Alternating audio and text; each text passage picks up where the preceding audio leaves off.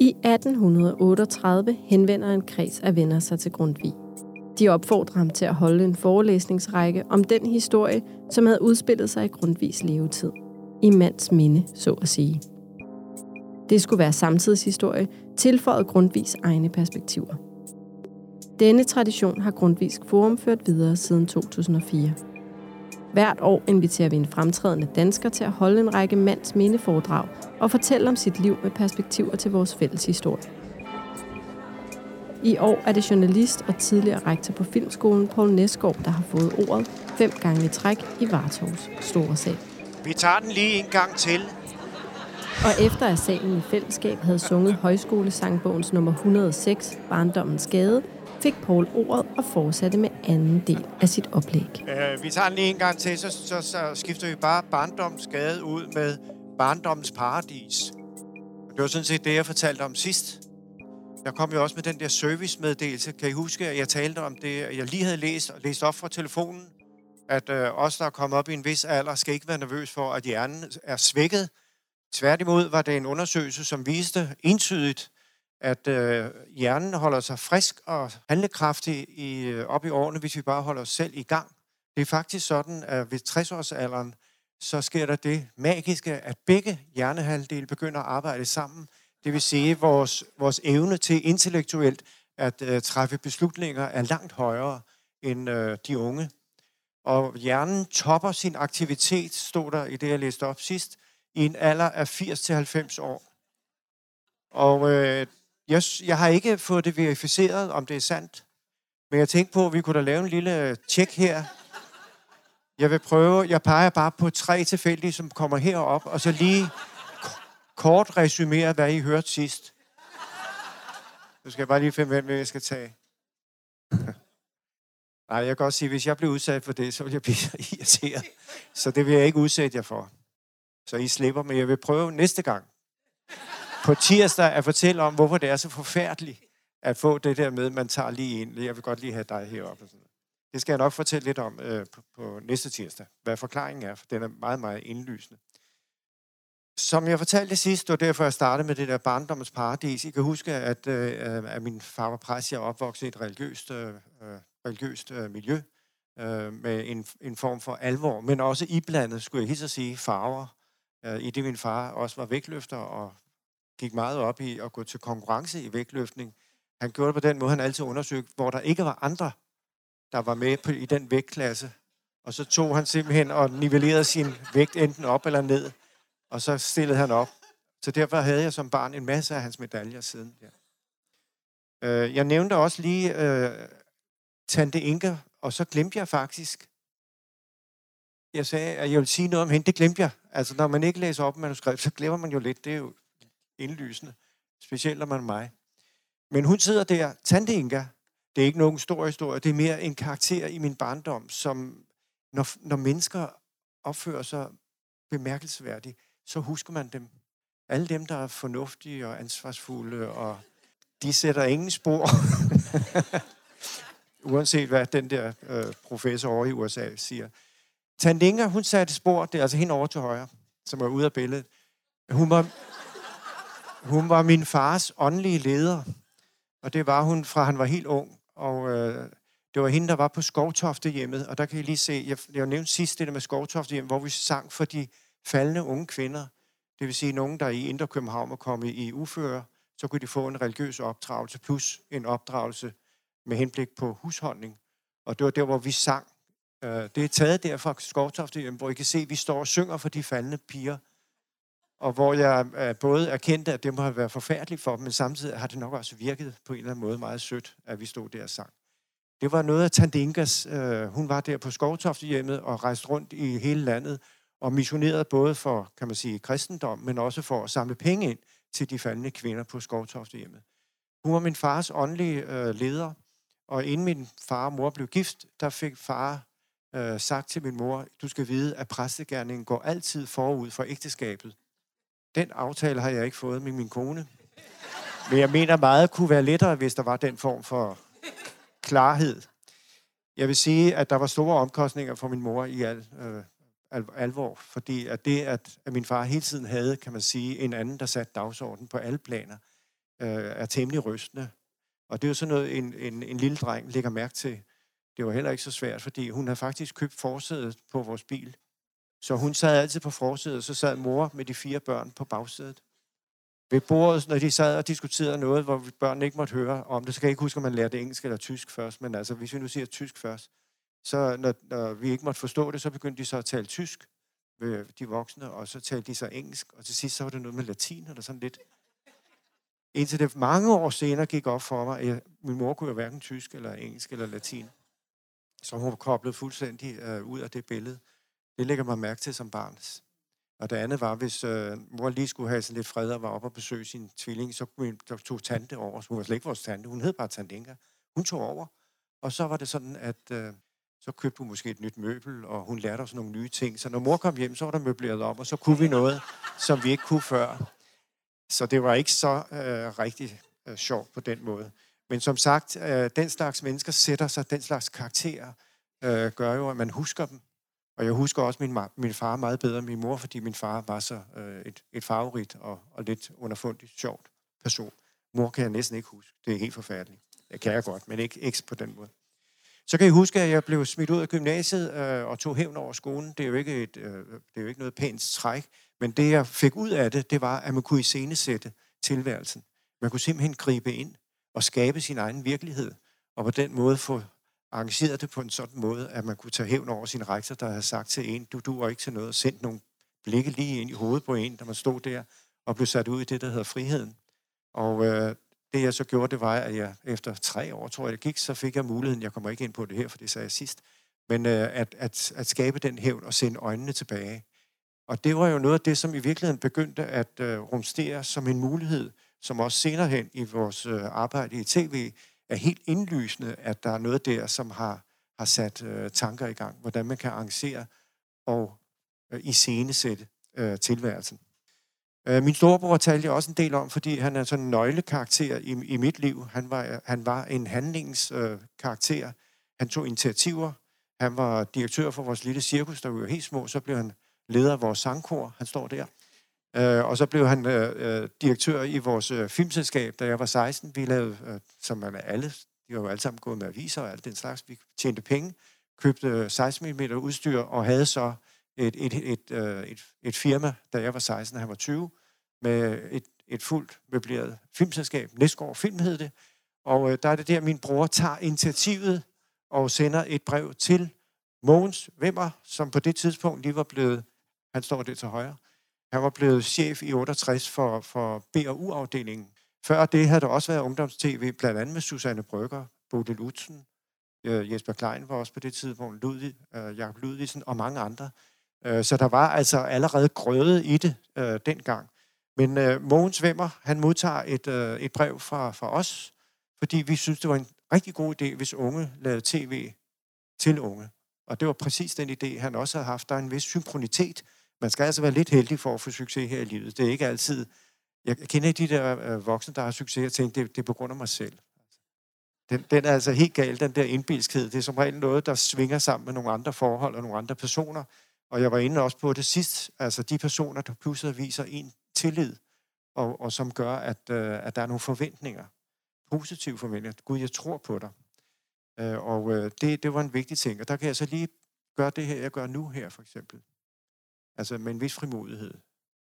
Så køn den lille fisk er, om end en smule våd, den svømmer helt alene og har slet ingen båd. Så hvem er mon kaptajnen, og hvor skal fisken hen?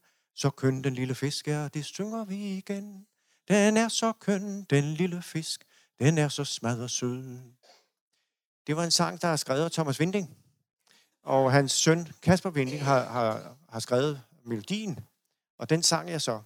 Og øh, da, da Thomas øh, dør for en del år siden, øh, i ikke, altså, altså blev ikke så gammel, desværre, øh, så ringer hans kone og spørger, vil du ikke gerne, øh, kan du ikke holde talen til Thomas ved hans begravelse? Og der er jo ikke noget at gøre, man er nødt til på en måde at sige, ja, det er jo ikke noget, nogen af os har, har lyst til, men det er jo ligesom at, at gøre det. Så jeg skriver talen, og om morgenen øh, til begravelsen, der er jeg ude og ro kajak øh, i Lyngby Sø og går rundt der, og så pludselig ser jeg, der sidder en fugl. Jeg tænker, hvad er det for en fugl? Stor fugl, der sidder oppe i træet. Og pludselig kan jeg se, når det er bare en hejre. Men det var en hejre, der ligesom havde foldet vingerne ud på den måde for at, at tørre vingerne. Og jeg tænkte, gud, den har taget fiskklædningen på. Og tænkte lidt på Thomas. Så kiggede jeg ned, den sad lige over sådan en lille vi inde på øen. Og der lå en lille svanefamilie med fire ællinger. Og så tænker jeg, hver gang man tænker på Thomas, så bliver det vindingsk.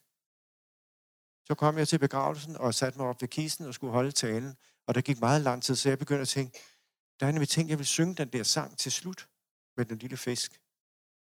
Og der sad jeg og tænkte over det der, og så tænkte jeg, det bliver for meget. Altså, det er bare dig, der vil føre dig frem. Eller hvad er det? Øh, Hold tagen og vær med det der med at lave sangen til sidst. Og jeg ellers sådan glædet mig til at synge, for jeg tænkte, det, det var meget godt lige at have den til sidst. Så besluttede jeg mig for ikke at gøre det, og tiden gik, og det kommer ikke i gang begravelsen. Og så kom jeg til at tænke på, gud, det er jo Thomas, der har fået mig til det. Det er jo Thomas, der er den person, som havde de forventninger om, at jeg godt kunne synge en sang, eller sætte mig frem og gøre det. Og så tænker jeg, jeg gør det. Og så på den måde, så blev det ved hans begravelse. Så sluttede jeg med at synge den der sang, for jeg tænkte, det er jo Thomas, der bærer det ansvar, at jeg sådan set gør de ting, jeg gjorde. Så Thomas var en af, af de personer, som, øh, som har stor betydning med at blive set. Øh, det, der så sker, at vi kommer ind i BRU-afdelingen, og øh, der er vi, øh, laver vi ungdomstv fra 69 til 72. Lillebror på bagsmækken af storebror. Min storebror var jo en handlingsmand, en, der havde, kan man sige, sine meningers mod.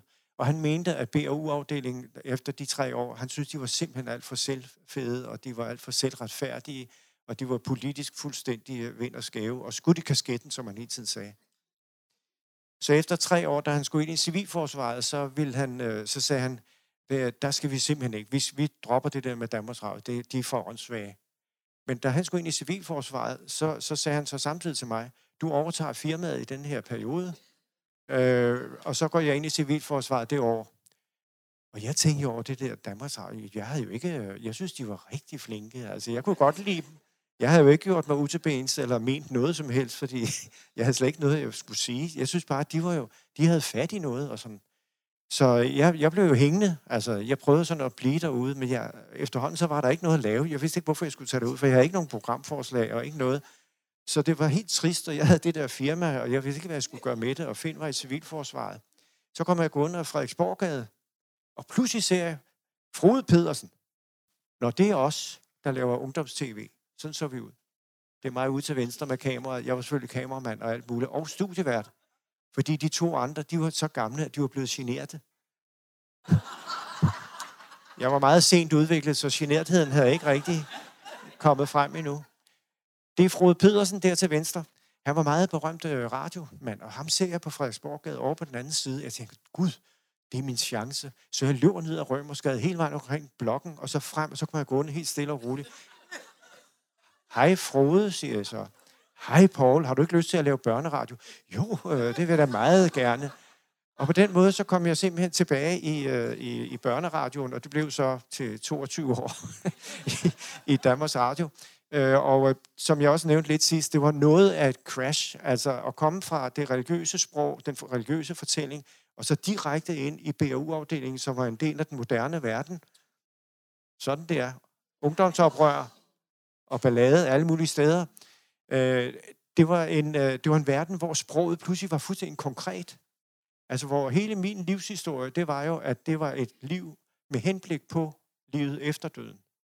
Så var det her pludselig et liv, hvor de bildte sig ind, at man kunne tale sig til en bedre verden. Hvor det var godt for os alle sammen, og fri øh, seksualitet og ned med magthaverne og det hele. Det var så konkret, at jeg var fuldstændig svimmel. Jeg havde overhovedet ingen mening om det der, og jeg havde heller ikke noget sprog om det. Samtidig så sker der det, at jeg har, jeg har fået en kæreste.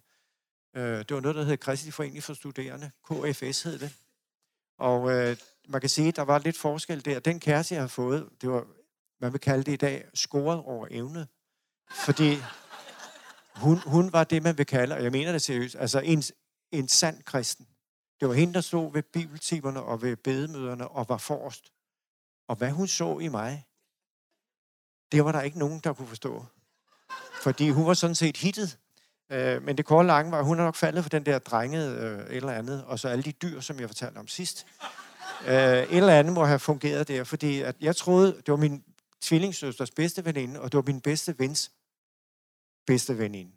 Og jeg troede, de to skulle være et par, så jeg sådan set fotograferet dem hver for sig og givet dem hinandens billeder, for jeg tænkte, de to, de passer sammen. Men det var altså mig, hun var vild med, og det, øh, det, det blev så det. Og øh, det korte lange var bare, at, at de to sprogformer, jeg, op, jeg opdagede måske egentlig ikke, at jeg var i et, i et meget stort dilemma. Men det var jo et af livets store dilemmaer, at, at verden bestod af flere verdener, flere forskellige fortællinger. Og jeg stod og skrev og tog meget forskellige fortællinger, og øh, jeg havde jeg havde selvfølgelig den der ungdomlige frimodighed, fordi at det at være ung er jo sådan set at bevæge sig i ukendt terræn hele tiden. Så om noget lige hænger sammen eller ikke hænger sammen, og man bruger kun den ene halvdel af hjernen, forstår jeg. Så, det, så derfor var der jo ikke det store problem, synes jeg. Indtil jeg sad til et redaktionsmøde. Bum. Prøv at lægge mærke til synkroniteten mellem det, jeg siger og det, I ser. øh, redaktionsmøde, hvor de blev enige om, at de skulle lave noget fra Luthers Missions teltmøde den sommer. Og da jeg hverken havde sprog eller noget, og ikke mente noget, så sagde jeg jo ikke noget. Og slet ikke, at jeg selv skulle spille første violin, eller violin til, den der, øh, til teltmødet. Og jeg blev sådan lidt, øh, uha, bare de der ikke kommer. De, de ville godt ind og lave noget om det, og det var helt tydeligt, at det skulle være sådan lidt kritisk, måske også lidt sjovt og sådan noget. Så jeg kommer der om aftenen til teltet, ikke? og så kommer kapelmesteren der og siger, Paul, du skal være første violinist i dag. Åh oh, nej, jeg tænkte, det var forfærdeligt. Nu kommer de ind, så bliver jeg afsløret. Og jeg sætter mig violinen og tænker, hvordan gemmer man sig i en violin? Det er altså ikke, det er ikke, det, det er ikke så let, altså. Men jeg kunne altså kigge ned der, så pludselig ser jeg mine to kolleger komme gående ned der, bevæge sig og begynder at interviewe folk. Og samtidig lå der folk jo på knæ og, og, og bad, fordi det var en seriøs ting. Jeg undgik at blive opdaget, hvilket er jo et fantastisk, et guds under, kan man sige. Øh, men det gjorde jeg. Og øh, så, så tænkte jeg nok, det går nok. Så jeg balancerede videre i den her frimodige verden og tænkte, øh, det skal jo nok gå. Så sker der det, at jeg skal lave et indslag om Jesus Christ Superstar. Jeg tror, vi er tilbage i 72 eller sådan 73. Og øh, Jesus Christ Superstar var oversat af Johannes Møllehave. Og jeg skulle lave det der indslag til børnenes tv-avis. Og jeg var et øh, enmandshold, selvom det var film. Altså det var med kamera og med lyd og mikrofon. Ikke? Så skulle jeg interviewe øh, Johannes Møllehave, som jeg ikke har mødt før, men øh, han ville gerne være med og snakke om det der. Så jeg tog ud til Virum, hvor han boede, og med mit kamera, og kæmpe kuffert, alt, stillede det hele op, og kameraet der og satte lyden til, og så havde jeg mikrofonen, og så sagde Johannes, normalt er man fire om det her, men jeg er helt alene. Jeg skal både klappe, og jeg skal filme, og jeg skal... Kan du ikke holde mikrofonen? Jo, det kunne han sagtens. Så sad han der på sit lille, hvad hedder det, trappe der med mikrofonen, og så var ideen, at jeg gik hen og startede kameraet, båndet og klappede, og så løb jeg hen, og så stillede, så hen med mikrofonen til mig, og så stillede jeg spørgsmål, og så tog han mikrofonen, og så svarede han jo helt vidunderligt. Altså, jeg tænkte, gud, hvor får han alle de der tanker og ord fra? Og da han var færdig, så satte han mikrofonen hen til mig, og så havde jeg lige et spørgsmål mere, stillede et spørgsmål, og så talte han igen. Helt fantastisk. Jeg sad og svømmede helt hen. Så kom mikrofonen hen tredje gang, så anede jeg ikke, hvad jeg skulle spørge ham om. Så strøg jeg hen til kameraet og zoomede en lille smule ind, sådan der. Så havde jeg fundet på et nyt spørgsmål. Så løb jeg tilbage igen. Og sådan gik det. Så, så, tog, så, så sagde jeg til min øh, kæreste der, vi skal ind og se Jesus Christ Superstar i aften. Er det ikke fedt? Jo, det ville hun da meget gerne. Og vi gik ind, og det var, altså, jeg synes jo, at Johannes måske var the missing link i mit liv. Altså, broen mellem de to verdener, tænkte jeg. Og da jeg så så uh, Jesus Christ Superstar, så tænkte jeg, hold da op, der er jo livet håb for, at jeg kan holde sammen på de her uh, størrelser. Og alligevel var jeg lidt i tvivl. Det, der så sker, det er, at uh, da vi kører hjem i bilen, så snakker jeg om, uh, altså, jeg er helt op at køre, og kommer hjem i køkkenet, og min kæreste står der, og så siger jeg, for jeg er helt, hvad synes du om det? Så sagde hun, det var blasfemisk. Og det var ligesom, jeg kendte godt det der ord, jeg tænkte, det er sådan et ord, man ikke kan tage til sig igen. Altså. Og det andet, jeg tænkte, var, at det var ligesom, at tiden stod stille.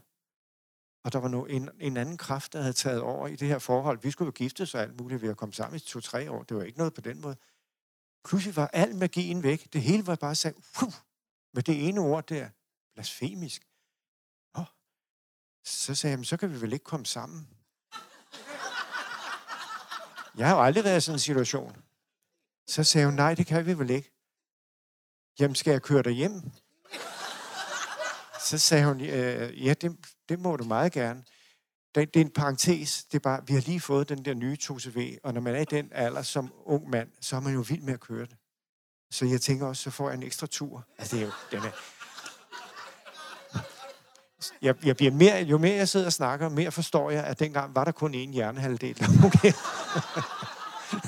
Nå, det går langt vej, så kører vi hjem. Og så ender hele det der forhold i den der 2CV på Birkdommer, øh, Birkdommervej. Øh, og så var den øh, historie sådan set slut. Det vil sige, at jeg stadigvæk udskød jeg, for jeg tænkte, man kan åbenbart ikke holde sammen på to historier på en gang. To så voldsomme fortællinger kan jeg ikke holde sammen på. Men går den, så går den. Men efter noget tid, så havde jeg det meget svært og kunne ikke holde sammen på det. Nu skal jeg lige se, hvad det næste billede er. Nå, undskyld, jeg glemte, vi skulle lige have set Johannes, for det er jo altid godt. Det er jo altid et godt billede.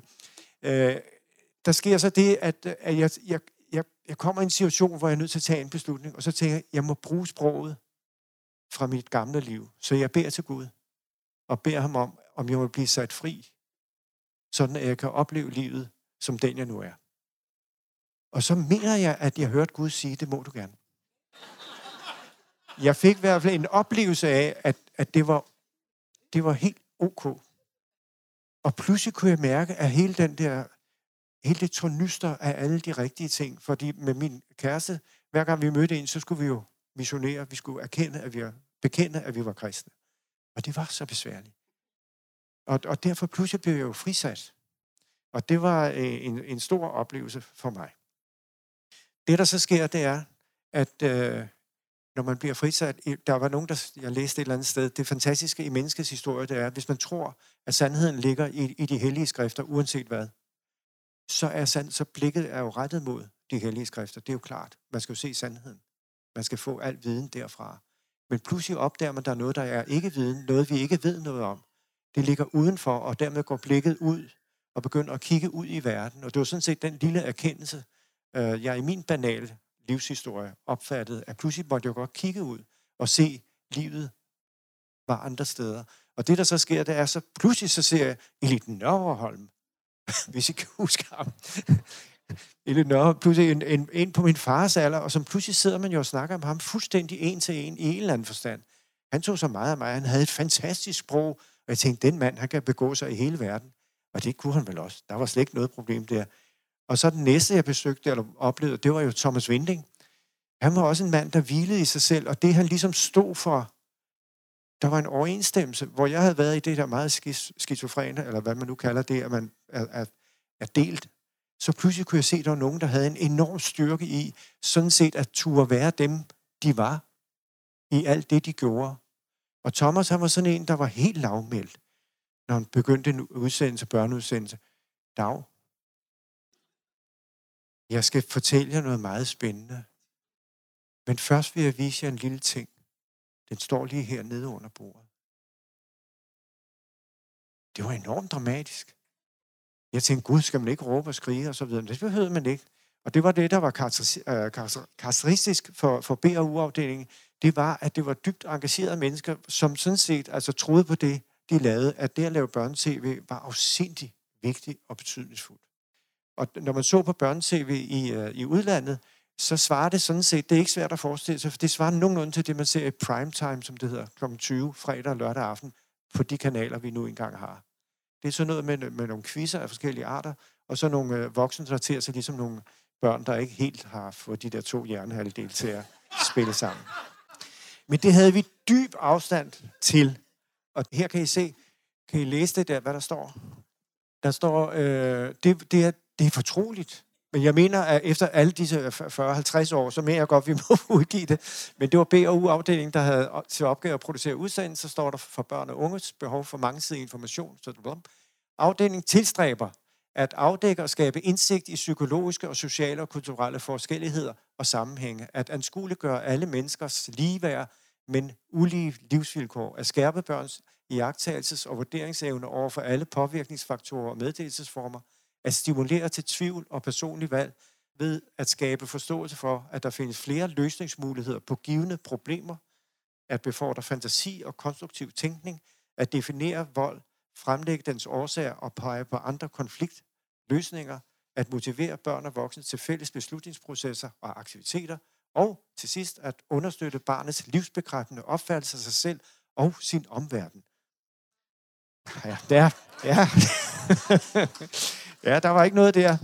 Og øh, det, var det, det var det hemmelige papir i BAU-afdelingen, og jeg kan love jer for, at der var mange dis- diskussioner og drøftelser, men det, det var det, der gjorde, at BAU på det tidspunkt, og, og sikkert stadigvæk, jeg, jeg følger ikke med i det, så jeg kan ikke sige det, men var sådan i en særstatus sammen med Sverige og et par andre lande.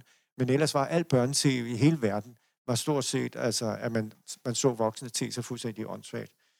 Øh, jeg vil lige nævne her, øh, Mogens Wimmer, som jeg har vist et billede af, det er ham, han har skrevet den der bog.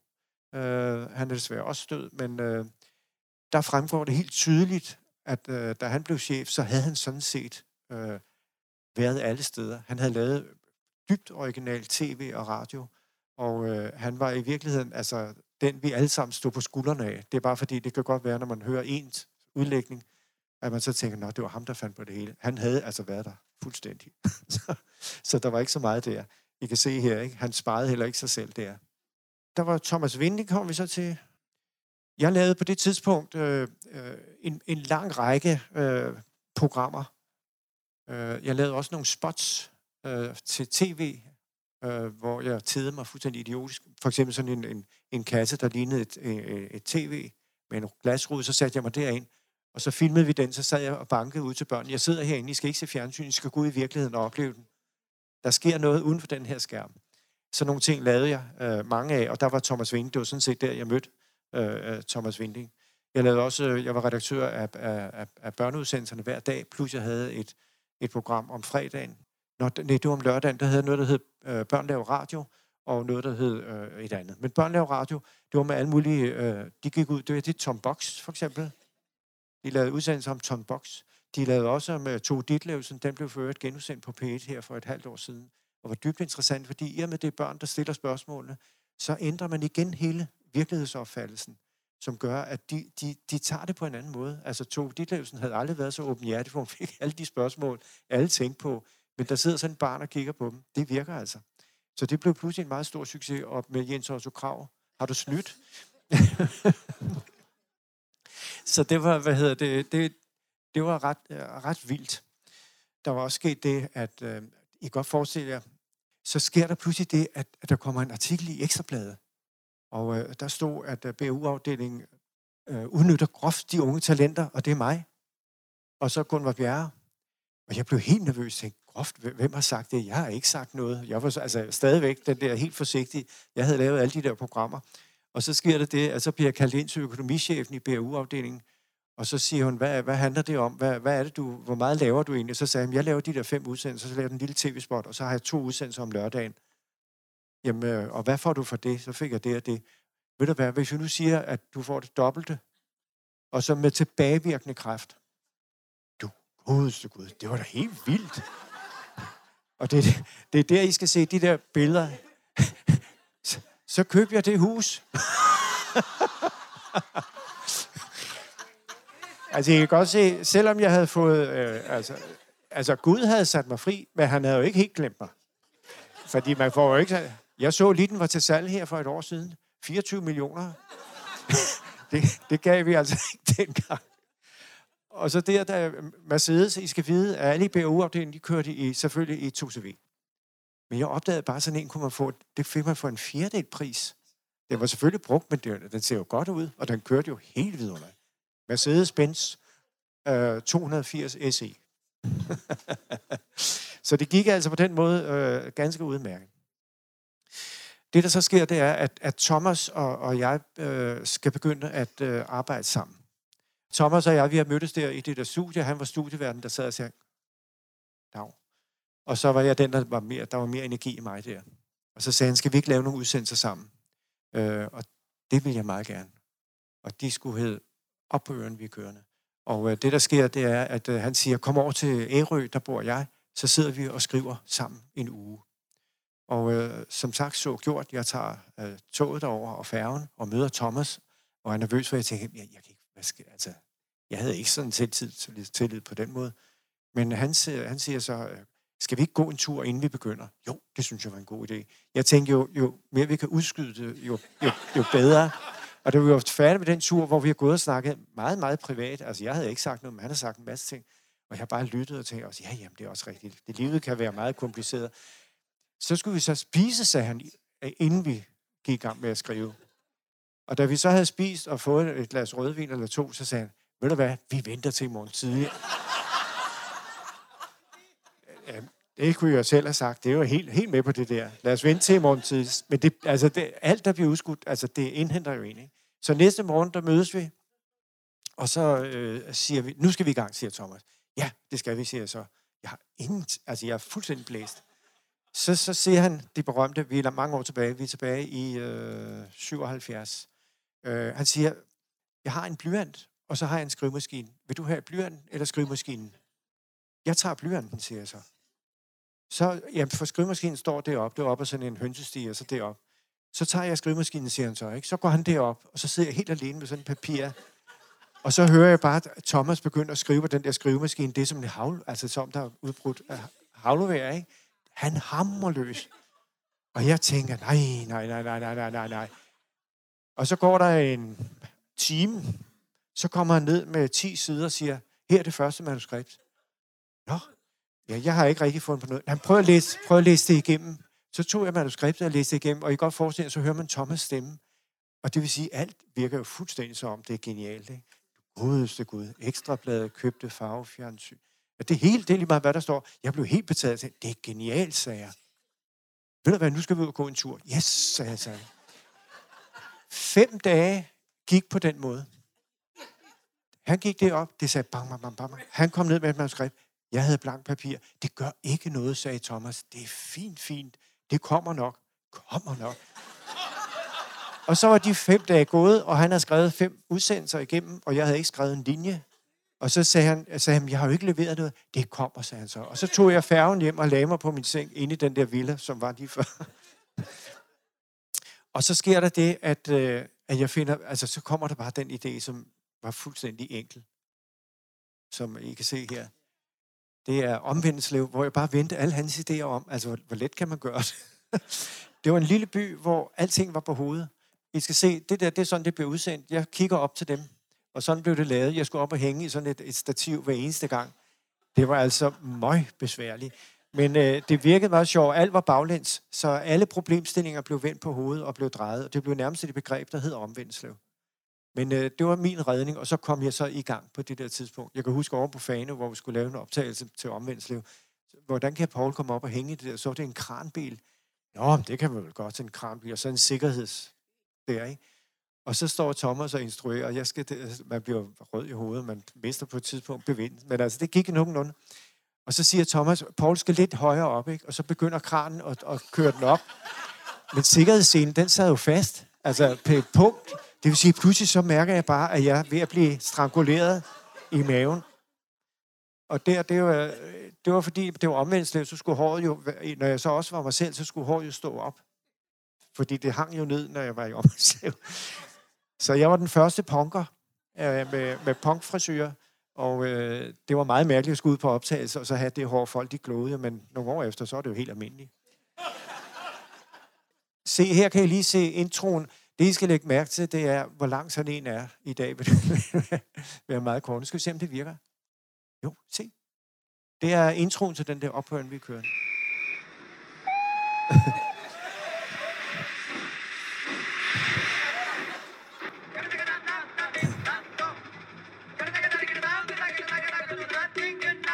bliver ved. Sådan øh, og det er klart, at børnene var eksperter. Altså alt blev på den måde vendt rundt. Der var der andet en skøn, det kan ikke være selv. Der var en lille pige, vi skulle lave noget om roller, og så øh, man interviewede sådan helt, altså skolen, man fandt de kvikkeste elever, ikke, og sagde, vi har nogle forskellige, så blev de sat op ikke, på kameraet. Og så havde man alle de her temaer, som alle de programmer havde. Et af dem var altså om roller. Og der var ingen af de der børn, der kunne sige noget. Indtil der kom en lille pige, som var sådan lidt porcelænsagtig i huden, med en lille øh, en lille hat på. Og så siger jeg bare, kender du det der med roller? Ja. Nå, ja, jeg har fem. Jeg har en, når jeg er hjemme hos min mor, jeg er en anden, når jeg er til spil, og så er jeg helt tredje, når jeg er over i skolen, og så har jeg en bedste veninde, der på en fjerde måde, og så går jeg til spejder, der er på en femte måde. Nå. Ja, det er ikke, fordi jeg ikke er mig selv. Jeg bruger bare forskellige sider af mig selv, fordi at, øh, hvis jeg var over for min bedste veninde, som er over for min mor, så, så ville det gå helt galt. Så var den udsendelse sådan set færdig jo så tænkte jeg, hov, jeg har et spørgsmål. Øh, hvem er du så, når du er alene? Så gik øjnene op. Hun tænkte jo stadigvæk kun med den ene. gik øjnene op der, og så siger hun, det kan jeg ikke svare på, for det har jeg aldrig haft brug for at tænke over. det var op på ørerne, vi er kørende. Øh, og øh, så sker der det, at, at vi kommer til øh, ungdomsrelationen her, der er skilt. Øh, og det var igen, altså ungdomsredaktion var blevet sådan meget berømt op igennem øh, 70'erne for at være sådan journalistik, når det var allerbedst. Der var så meget, altså der var virkelig power i den der næve. Der var altid nogen, der blev hængt ud og blev udsat for et eller andet, hvor de tænkte, kommer de videre i livet efter det her? Men det vi også erkendte, det var, at lige meget hvilket problem vi tog op, så løs, blev det ikke løst af udsendt. Det blev sådan set bare endnu værre. Altså, hvis man nu talte om hash, for eksempel, ikke, så blev der bare mere hash. Altså, fordi at nu kunne alle se, gud, der er noget, der hedder hash. Ikke? Selvom vi var meget kritiske. Eller hvis man lavede noget om det, vi unge bladet, om en redaktør, der har lavet et eller andet, som var helt ved siden af, jamen så blev der bare solgt endnu flere blade. Så der sker sådan set det der, at mens vi øh, arbejder igennem alle de der, og havde enorm succes med det, og når jeg siger vi, så er det ikke mig, men så er det også nogle af de andre BU-afdelingsfolk, så, så blev vi mere og mere i tvivl. Og da vi så skulle lave en ny omgang ungdomsredaktion i 1980, så, så, så tog jeg det tema op og siger, altså, hvad er det egentlig, vi går og laver? Fordi det, det får sådan set den modsatte effekt. Vi skaber noget opmærksomhed frem for at skabe en indsigt, som bliver brugt. Og så gik det hele i stå, fordi når først det er sagt, så selvom vi var så privilegerede, som vi var, og boede i store huse og kørte i store biler, og følte, at det hele var så vigtigt og væsentligt, så, så, så mister det sin betydning. Så har jeg kommet i tanke om Nulle, som øh, var min gode ven, eller det var det jo ikke på det tidspunkt. Han var bare sådan underfundig, og tænkte, at det kan godt være, at vi kunne bruge ham. Så inviterede vi ham til et møde, og ganske langsomt begyndte der at opstå en eller anden form for dialog med udgangspunkt i den her problemstilling at det hele var sådan set nyttesløst, og det var mere for vores egen skyld. Fordi det, der var ved at ske jo, det var, at fra fjernsynet var øh, et sted, hvor man på en måde trak virkeligheden ind og afspejlede virkeligheden, så var der ved at ske en transformation, at fjernsynet var begyndt at skabe en virkelighed, som i virkeligheden gik den anden vej. Skabte en virkelighed blandt seerne. Og hvis vi lige trækker op til i dag, så kan man sige, at der er meget lidt virkelighed, som i virkeligheden ikke er et billede skabt af medierne. Og det er meget svært at leve som et menneske, uden at man på en måde er et produkt af hele den medieudvikling. Det er noget af det, der begynder at ske, og hvis jeg stadigvæk husker på min uh, udsmidning fra, fra, fra 1. G, altså der, hvor jeg finder ud af, at man kan iscenesætte tingene, og på den måde gribe virkeligheden og forme den i sit eget billede i højere grad, til en vis grad, kan man sige. Det var hele den der diskussion, vi begyndte at have. Øh, og øh, så begynder vi bare at tænke, hvad vi, hvis vi nu springer ud i det og laver en udsendelse, der er sådan? Altså, hvor vi sådan set taler om det her. Og som sagt så gjorde, så lavede vi noget, der hed Baggårdsredaktionen. Og hele starten, det er, at Nulle, han er sådan manden på gulvet. Den helt almindelige mand. Og øh, han er bare sund fornuft, og det er ham, der hele tiden siger, hvad kom der ud af det? Ikke? For jeg sidder der som en hårdkogt journalist og siger, vi har lavet simpelthen så mange programmer, hvor den, der var virkelig knald på, der, og vi fik den helt op i hjørnet og sådan noget. Jamen, hvad kom der ud af det, siger Nulle hele tiden, ikke? og afdækker det, eller øh, tager luften væk, eller tager tæppet væk under alt det, vi havde lavet igennem 70'erne. Og det, det bliver så et, øh, et, et koncept, som vi så begynder at køre, hvor vi bruger vores egne navne, hvor vi prøver at skabe det, vi vil sige, en form for virkelighed. Det vil sige, at i stedet for at sidde i tv-studio, så skaber vi en, en lejlighed, hvor vi sådan set bor. Og den bliver klippet sammen. Studiet, det er en lejlighed, og når vi går ud af døren, så går vi ud i virkeligheden, og det skal se ud som om, det er en til en i tid. Så man på den måde får en, et, et meget forførende greb men hvor vi prøver at punktere den måde, man normalt lavede fjernsyn på. Vi bruger vores egne navne. Vi, vi taler med folk på en anden måde. Det kommer jeg ind på nu. I kan lige se igen en meget lang indledning, bare for, det er et helt andet tempo. Og der sker ikke en skid. Jo, det gør der. I kan godt slappe af, der går meget tid.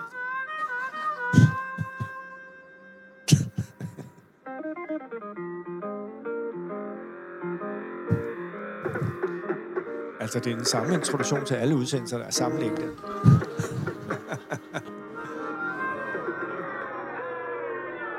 det er Nulle, der spiller selvfølgelig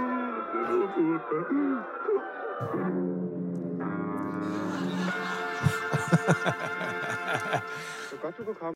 Ja, det kan I se. Det er først nu, udsendelsen begynder. Og det, der skete der, det var, at den første udsendelse gjorde vi til et 20-års jubilæum. I og med, at vi var ude i den der fiktive øh, fortælling, så kunne vi lige så godt sige, at det var 20 års jubilæum. Så vi sagde bare, at det, det er 20 års jubilæum. Øh, og hele det var introduceret, og, og lejligheden og alle de der ting, og Nulle gik og serverede kaffe, og jeg sad og, og læste breve og så videre. Og øh, da det hele sådan ligesom er ved at gå helt i stå, så banker det på døren. Altså på den der dør. Og hvem kommer ind? Oh, Erhard Jacobsen havde jo, som I ved, øh, kan jeg se på øh, gennemsnitsalderen, øh, var jo altså en politiker, der, der brugte, kan man sige, øh, radiorådet som en form for springbræt for sin øh, politik. Det, det tror jeg ikke er helt ved siden af. Men han, var, han, han skabte det, der hedder Aktiv Lytter og Fjernseerforening. Øh, og øh, han var hele tiden lige hælende på os alle sammen. Og jeg kan godt sige, at han var ved at slå Mogens Vemmer ihjel med alle de sager, der blev kørt. Øh, og, men det skabte jo en kolossal opmærksomhed. Jeg vil også sige, at øh, jeg havde sådan en god formulering her. Vi, vi, altså politisk var vi... Jeg kan ikke huske den, må jeg godt lige kigge? Selvom altså... Jeg havde bare sådan en god formulering. Altså politisk var vi nok lidt... Vis politisk frimodighed, det synes jeg bare var meget godt. Vi havde en vis politisk frimodighed i BAU-afdelingen, og derfor havde han jo også en, i en vis omfang ret i nogle af de ting, han, øh, han angreb. Det er jo klart. Vi sendte jo hele tiden, og han bombarderede. Øh, så øh, han var også med til at skærpe vores opmærksomhed. Han var med til, at, at vi strammede os an. Så på den måde vil jeg give ham en del af æren for, at, øh, at BAU øh, var så vital i så mange år. Men det var lige ved at slå Mogens Vimmer ihjel, men han, han, han overlevede. Men lige der, da vi har haft det der, så, så banker det på døren, og så kommer han ind. Og øh, da det er den almindelige virkelighed, og ikke tv, normalt vil tv, der må man sige, oh, velkommen og, og sid ned og så videre. Ikke? Der går Nulle hen. Han ved ikke, hvem øh, er her der. Fordi Nulle, han, i hans karakter, han læser ikke aviser, han ser ikke fjernsyn, han hører ikke radio. Han er bare den sunde fornuft fuldstændig fri. Så han var nødt til at sige, at jeg er Jacobsen. Nå, jeg vil skulle tage med en, der hedder Paul. Jo, han sidder derovre ved bordet. Du skal nok gå lidt stille, fordi han sidder lige og kigger nogle breve igennem og sådan noget. Så kommer Erhard hen, og så siger jeg, når, når fint du kommer, du må lige sidde og vente lidt. Altså bare det der gør jo, fordi Erhard var jo en, der hele tiden tog scenen og, og talte og talte. Og da jeg så har kigget lidt i mine breve og så videre, så siger jeg til jer, Nå, øh, tak fordi du kommer, det er jo skønt, vi har jubilæum. Du har altid været efter os. Øh, altså, men er det ikke så om, du altid har skudt med løs krudt? Vi sidder her jo stadigvæk. Altså, vi er jo ikke... Og det er sådan et typisk, når man skal lave en konfrontation, det kommer jeg ind på næste gang, man laver sådan en konfrontationsinterview, så, så skyder man sådan et spørgsmål af. Nej, det er ikke løs krudt, det kan jeg love dig for. Og så kørte han løs og fortalte om øh, øh alle de forfærdelige ting, at der var fairness og det der med, at der skulle, alle skulle blive hørt, og politisk skævhed og så videre. Så, så siger han, øh, at, er det mig, du taler om, siger jeg så. Nej, det er ikke dig, Paul. Øh, øh, det er noget, og så kommer den en gang til, ikke? Og, og så siger jeg, fordi I godt forestille, at vi konfronteres her mod, mod hinanden, to akser. Så hopper jeg over på hans side og siger, er, hvis vi nu, nu sidder vi her, kan vi, ikke, hvad skal jeg gøre? Hvordan kan vi rette op på det her? Ja, øh, nu, nu skal du høre, der ryger luften lidt ud af Erhard, lige det der moment. Og så ringer telefonen, for det gør den jo i den almindelige virkelighed. Og da telefonen ringer, spørger jeg så, Erhard, må jeg, må jeg godt lige tage den? Og så kan du bare snakke videre til kameraet, hvis der er noget, du synes er vigtigt. Kan I se, at vi begynder bare at lave nogle små forskydninger, som i virkeligheden er det, der altid sker i virkelighedens verden. Og så går jeg om og tager telefonen, og når man gør noget, man ikke må, så virker tiden jo altså... Altså, det er som, man står der... Jeg stod der altså kun i 40 sekunder, eller 30, men jeg følte, det stod der i evigheder, ikke? Dem der ude i studiet, de sagde jo bare, bliv ved, på bliv ved. og er han begyndte at tale om de samme ting, han lige havde sagt, ikke? Fordi det var den, han kørte med fairness og, hvad hedder det der med, at lige, man skal have lige ret til at sige tingene på, på alle sider. Så kommer jeg tilbage, og så, så stiller jeg også et spørgsmål, som jo er helt banalt, men samtidig virker utrolig fræk. Så siger jeg, er det, øh, der, har du sagt noget fornuftigt, mens jeg var væk? så siger han, det, det ved jeg egentlig ikke. Så siger jeg, så prøv lige at sige det igen, så kan jeg lige høre. Men det kan godt mærke, at man har, man har fat i en ende, fordi det, det, er jo, det er jo også en mulighed for ham. Altså, hvis, han, hvis de går med på lejen, så er, det jo, så er det jo en sjov dialog, der pludselig bryder de der fastlåste situationer med konfrontationsinterview, og hvor man pludselig kan få, få øh, brudt noget op. Og her kan I se, øh, hvordan vores øh, studie så ud. Øh, der er Nulle der med kaffen, det er producer-assistenten, og ham, der var producer, han står der. Og så mig, sagde hun. Og her har vi så øh, redaktionen øh, bag det der. Men det, der sker, det er, at øh, året efter, så går vi, så går vi videre med, med, med baggårdsrelationen, og der er vi så blevet smidt ud øh, af, af, af, af den der lejlighed. Øh, og øh, så er vi kommet hen på et værtshus. Det er selvfølgelig noget, vi igen har arrangeret for at komme ud i, i virkeligheden. Og øh, dengang, der, der var den første, år var med Vejdekamp. Det blev sådan et legendarisk øh, projekt. Og, og her skal I se en scene, hvor det er typisk, hvor vi bruger os selv, og Vejdekamp bliver også brugt som en, en så han er jo overborgmester på det tidspunkt, og der er meget stor øh, konflikt med besætterne, og så med Vejdekamp. De er sådan øh, op og toppes, øh, virkelig konkret og bogstaveligt, meget ubehagelige i virkeligheden. Kan Kære Paul, der har været lidt problemer med at få tingene i orden, så jeg er taget ud for at finde et andet sted, hvor vi kan være. Kan du huske det der sted nede ved havnen, hvor der var et klaver? Ja, det kan jeg Måske kan det bruges, jeg kan bare ikke huske, hvor det ligger. Jeg legner noget op. Kærligheden Nulle PS. Der ligger en skruetrækker i postkassen. Vi ses.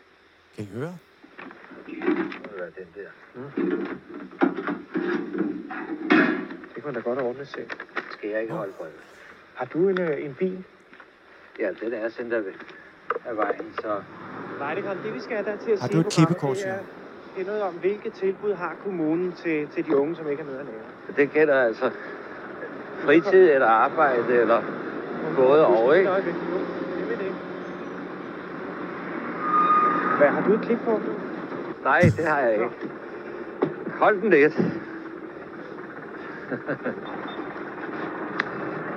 er, det, er det vigtigt for dig, Kamp, at, øh, at komme i fjernsyn en gang imellem, så dem, der bor her i byen, kender dig? Ja, det burde i hvert fald være vigtigt, fordi det kommer lidt an på, hvordan tingene bliver præsenteret. Selvfølgelig er vi da meget interesserede i at komme i fjernsyn for at kunne fortælle, hvad det er, vi foretager os. Ja. Men øh, det kan selvfølgelig også blive præcis modsat. Ja, men det passer faktisk også mig helt udmærket, for jeg har en hel masse, jeg skal lave i dag, du. Ja. Det, der sker, det er, at øh, Weidkom kommer ind på værtshuset, øh, og jeg har en snak med ham. Han havde inden, øh, ind, altså i forberedelsen har jeg talt med, med Weidkamp, og vi har talt om, at så kommer der nogle gæster, som du ikke får at vide, hvem er. Øh, og så siger Weidkamp, det eneste, jeg ikke vil møde, det er besætterne. Der blev jeg taget, altså der. Det var ikke sjovt. Og det andet, vi har været ude hos specialerne, de ved ikke, at det er vejtkamp, de skal mødes, så dem havde vi jo arrangeret, at de skulle komme under den optagelse. Det vil sige, det var en meget ubehagelig situation for mig. Altså, enten så ryger hele barduljen på gulvet, eller også så kører jeg videre, og så må jeg se, om jeg kan redde den efterfølgende. Det er, fordi det er jo ikke direkte, så det, det er jo en, øh, en del af det. Men det, der sker, det er, at øh, han kommer ind på værtshuset, og det kører frem og tilbage, og, og øh, øh, han fortæller om sin øh, ungdom, hvor han også har været på barrikaderne og været med til at lave oprør på alle mulige måder. Øh, Nulle, han er blevet sendt ud for at finde noget underholdning. Han går op til pølsemanden, og der, der, øh, der siger han til pølsemanden, øh, kan, øh, kan du finde noget underholdning? Vi laver ungdomsreaktion lige hernede på værtshuset. Ja, det ved jeg ikke, men der, der står, det er jo Jorting, der står lige derhen og spiser pølser. Kan du ikke lige så går han hen til Jorting. Øh, pølsemanden siger, at han kender jo ikke Jorting, fordi Nulle, han er jo en, der ikke, og så videre. Så siger, så siger han, øh, øh, kunne du, øh, du, du, du har lavet noget med underholdning? Ja, det kan man godt sige, siger Jorting. Det, I skal forestille jer, det er, at jeg forestiller mig, at vi har besætterne her, vi har vejkamp her, det er konflikt. Hvem kan, hvem kan være med til at neutralisere konflikten? Det, det, kan, det kan Jorting. Så siger Nulle, øh, kan, kan du ikke komme med ned? Jo, men det kan, jeg er ikke rigtig god til det underholdning på den måde, men altså, og så klip tilbage til os. Der kommer pludselig besætterne med skilte og banker på ruderne, og det er meget, meget voldsomt faktisk.